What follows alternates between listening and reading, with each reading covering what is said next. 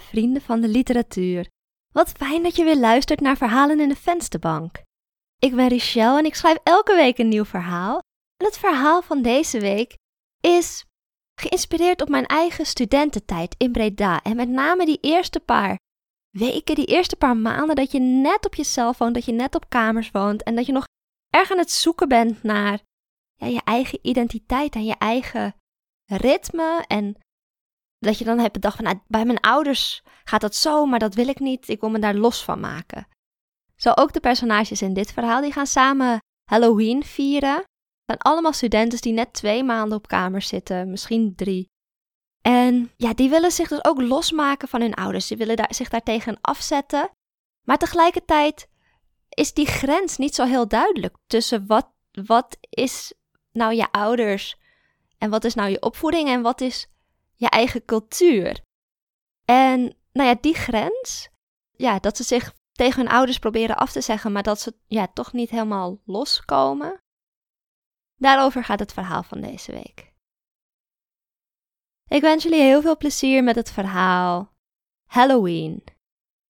Als je het verhaal mooi vindt of je wilt iets vertellen over hoe jij doorgaans Halloween viert, kom dan langs op Instagram, het verhalen in de vensterbank. En ja, laat een berichtje achter, want we horen graag ook jouw verhaal.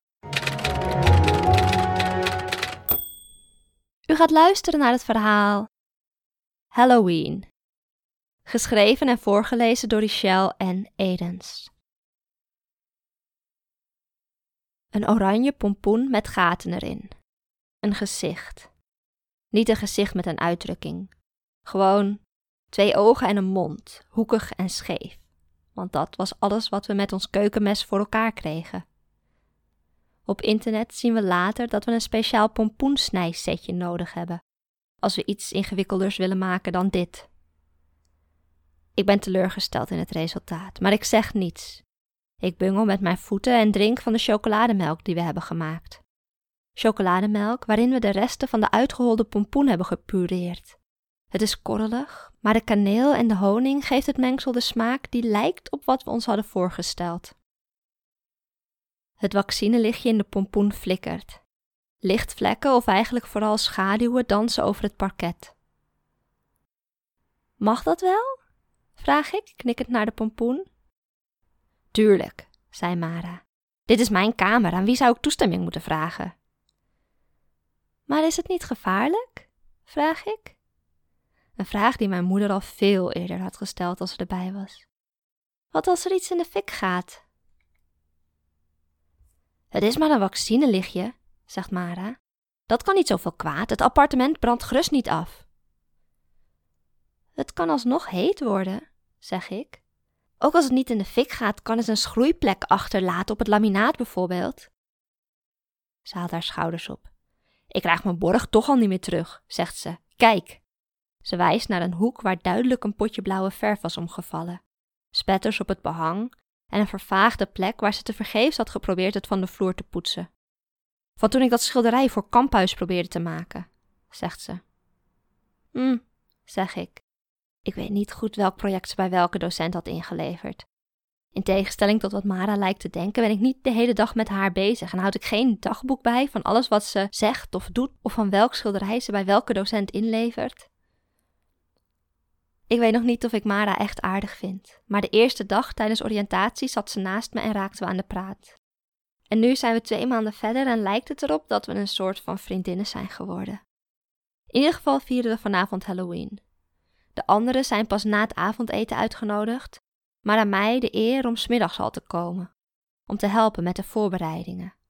Het snijden van de pompoen bijvoorbeeld, en de knakworsten warmen, en de zelfgeschilderde spinnen en heksen op de muur hangen. De spinnen en de heksen zien er te kinderlijk en te geknutseld uit. Zeker als je bedenkt dat we allebei op de kunstacademie zitten. Wie komen er nog meer? vraag ik, voor allemaal wat te zeggen te hebben. Ze noemt een rijtje namen op, allemaal uit onze klas, en ik knik en glimlach. Ik nip van mijn pompoen chocolademelk, die ik eigenlijk al lang zat ben, en ik voel me als een kind, een meisje dat alleen maar doet alsof ze zelfstandig en volwassen is. Twee maanden woon ik inmiddels op mezelf.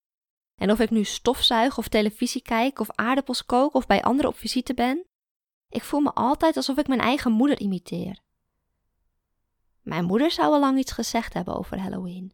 Dat het een Amerikaans feest was en dat het in Nederland alleen maar populair is vanwege de commercialiteit. En daarna zou ze vertellen over Allerzielen, het katholieke feest waar in haar ogen Halloween van afstamt. En als mijn vader haar dan nog niet heeft onderbroken, begint ze over haar theorie dat donuts eigenlijk gewoon afstammen van oliebollen en dat mensen die naar Amerika emigreerden gewoon het recept niet goed hadden onthouden. Of wellicht hadden ze het noodgedwongen moeten aanpassen, omdat niet alle benodigdheden daar beschikbaar waren. Hoe laat komen de anderen? vraag ik. Geen zorgen, zeg maar, we hebben nog tijd zat om ons te verkleden. En ik heb mijn schminkkoffer van thuis meegenomen, zodat we elkaar kunnen schminken. Oh ja, zeg ik. In de gedeelde badkamer, waar iemands natte handdoek nog op de grond ligt, trek ik een zwart jurkje aan. Met zwart karton heb ik daar een punthoek bij geknutseld. Als ik naar haar studentenkamer terugkeer, lacht Mara me uit. Je bent een rand vergeten, oelewapper, zegt ze. Heksenhoeden hebben een rand. Nu lijk je meer op een kabouter. Goed, zeg ik, dan ben ik een kabouterheks. Jij bent raar, zegt Mara. Ik weet niet wat ik met die opmerking moet, dus haal ik mijn schouders maar op. Ik open de schminkdoos van Mara, die verdacht veel weggeeft van de viskoffer van mijn vader. Alleen is die van Mara geel met zwart en die van mijn vader oranje met zwart. Mara heeft bergen make-up en eyeliners en diamantjes die je kan opplakken. Ze is zo iemand die naar Comic Con gaat of de Elf Fantasy Fair en die dan maanden van tevoren al aan een kostuum knutselt om het helemaal perfect te maken. Op een dag zou ik haar zeggen dat ze in plaats van die matige schilderijen die toch niet uit elkaar te houden zijn, zo'n kostuum moet presenteren als eindwerk in de klas van meneer Kamphuis. Maar niet vandaag. Vandaag was niet die dag. Jij doet mij eerst, zegt Mara. Ze heeft op haar telefoon een plaatje gezocht van de Pokémon die ze wilde zijn. Zie je, zegt ze. De oortjes hoef je niet te schminken, want daar heb ik een haarbandje voor. Oké, zeg ik aarzelend. Ik maak mijn kwast nat en doop hem in de gele verf. Weet je zeker dat je het niet zelf wil doen? vraag ik. Volgens mij ben jij er veel beter in dan ik. Ze schudt haar hoofd. Het gaat niet om het eindresultaat, zegt ze. Weet je, ik moet het altijd al zelf doen. Soms is het gewoon fijn als iemand anders dat voor je doet, snap je? Ik knik alsof ik het inderdaad snap en ik maak haar gezicht helemaal geel. Nauwkeurig bestudeer ik op haar telefoon het plaatje van de Pikachu. Twee rode wangetjes, een zwart neusje en dat is het wel zo'n beetje. Pika, pika, zegt ze in een hoog stemmetje als ik klaar ben. Ja, zeg ik. Mijn moeder vindt Halloween een Amerikaans feest dat is nagemaakt van allerzielen en donuts zijn eigenlijk gewoon oliebollen met een gat erin. Het schiet eruit omdat ik even niet oplet, omdat ik in paniek raakte en niet wist wat ik anders moest zeggen. Pika, pika, zeg ik. Ik doe Mara na om het goed te maken. Oké. Mara fronst en houdt haar hoofd een tikkeltje schuin terwijl ze me aandachtig bekijkt. En? vraagt ze. Niets, zeg ik schouderophalend, laat maar. Jij bent soms echt raar, zegt ze. Sorry, mompel ik. Dat is niet slecht, zegt ze. Daar hoef je niet je excuses voor aan te bieden. Raar zijn is. Ik bedoel, je bent gewoon uniek. Iedereen is uniek. Jezus, ik probeer alleen maar een compliment te geven. Maar als je dat niet wil, geef dan maar weer terug. Oké dan, zeg ik, jij bent uniek. Ze schudt haar hoofd. Dit is nou precies wat ik bedoel, zegt ze. Ze pakt de schmink uit mijn handen. Zit, zegt ze dwingend, ogen dicht. Ik gehoorzaam, want wat kan ik anders? Met gesloten ogen zit ik daar in haar studentenkamer. Ik hoor haar klakken met haar tong ik hoor haar de kwast schoonspoelen en tegen het glazen potje aftikken. En ik hoor verderop in het gebouw iemand douchen of de wc doortrekken. In ieder geval ruist er allemaal water door de muren. Een heks is saai, zegt Mara uiteindelijk. Ik schilder zo'n schedel op je gezicht, oké? Van Dias de los Muertos. Dat is lekker ingewikkeld en uitbundig met al die stipjes en die krulletjes. Dat duurt lekker lang. Nog voor ik antwoord kan geven, is ze al begonnen. Heel zacht streelt de kwast over mijn gezicht. En terwijl ik daar zo zit met mijn ogen dicht, voel ik een rilling over mijn rug lopen. Het is fijn. Het is op een afstandelijke manier intiem. Juist omdat Mara zo geconcentreerd met mijn huid bezig is, hoef ik even niet sociaal te zijn. Hoef ik me even geen zorgen te maken over wat ik moet zeggen of doen. Het enige wat er van mij verwacht wordt is daar zitten met mijn ogen dicht en haar haar gang laten gaan. Ik leun achterover tegen de rugleuning van de stoel en ik voel Mara uitademen in mijn gezicht. Is dat niet racistisch? vraag ik als ik later voor de spiegel sta en mezelf bekijk. Ik zie er mooi uit. Mara heeft me prachtig versierd met allemaal kleine strassteentjes en krulletjes die zo fijn zijn dat het lijkt alsof er kant op mijn gezicht is geplakt. Waarom zou het racistisch zijn? vraagt Mara.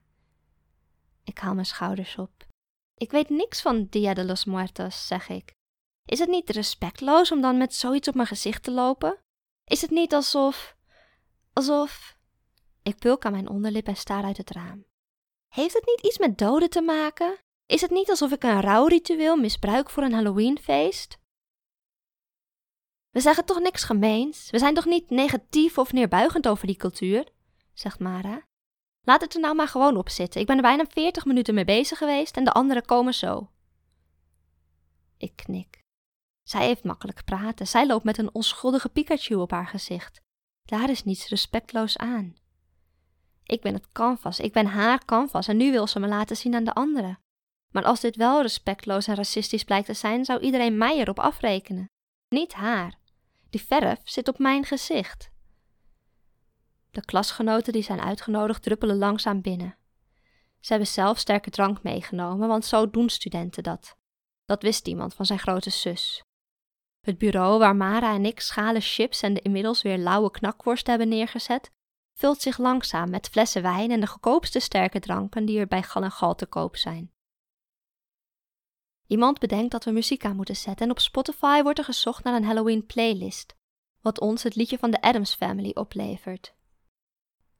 We complimenteren elkaar met onze kostuums en al snel hebben we alles gezegd wat er over de kostuums te zeggen valt en weten we niet hoe het met Halloween verder moet. Al geeft niemand dat toe natuurlijk. We doen allemaal alsof het gezellig is. We eindigen in een kring die verdacht veel lijkt op de kringverjaardagen van onze ouders. En de gesprekken zijn slechts een herhaling van de gesprekken die we op school in de pauzes met elkaar voeren. Ik zeg dat ik naar de wc moet en loop over de gang naar de gedeelde badkamer. De klamme handdoek ligt nog steeds op de grond. Ik ben er vandaag al twee keer heel studenticoos overheen gestapt. Ik probeerde het te negeren, maar ik kan het niet. Ik pak de handdoek op en hang hem uit over de radiator, zodat hij in ieder geval niet beschimmelt. Daarna pak ik mijn telefoon en bel mijn moeder om te vragen wat ik met die schmink aan moet. U heeft geluisterd naar het verhaal Halloween, geschreven en voorgelezen door Michelle en Edens. Hartstikke bedankt voor het luisteren naar dit verhaal. Ik ben heel benieuwd hoe jij Halloween viert. Heb jij wel eens Halloween gevierd? Als je dit verhaal nou mooi vond, geef deze podcast dan een like of 5 sterren, net afhankelijk van wat er in jouw podcast-app mogelijk is. En vergeet niet je te abonneren op deze podcast of ons te volgen, want we schrijven elke week een nieuw verhaal. En als je je op ons abonneert, dan krijg je vanzelf een notificatie als er weer een nieuwe aflevering is. Dus dat is hartstikke handig en dat komt mooi uit, want wij hebben jou er graag volgende week weer bij. Voor nu, een hele fijne avond en een hele fijne week. En ik zie jullie allemaal volgende week bij het volgende verhaal. Doei doei!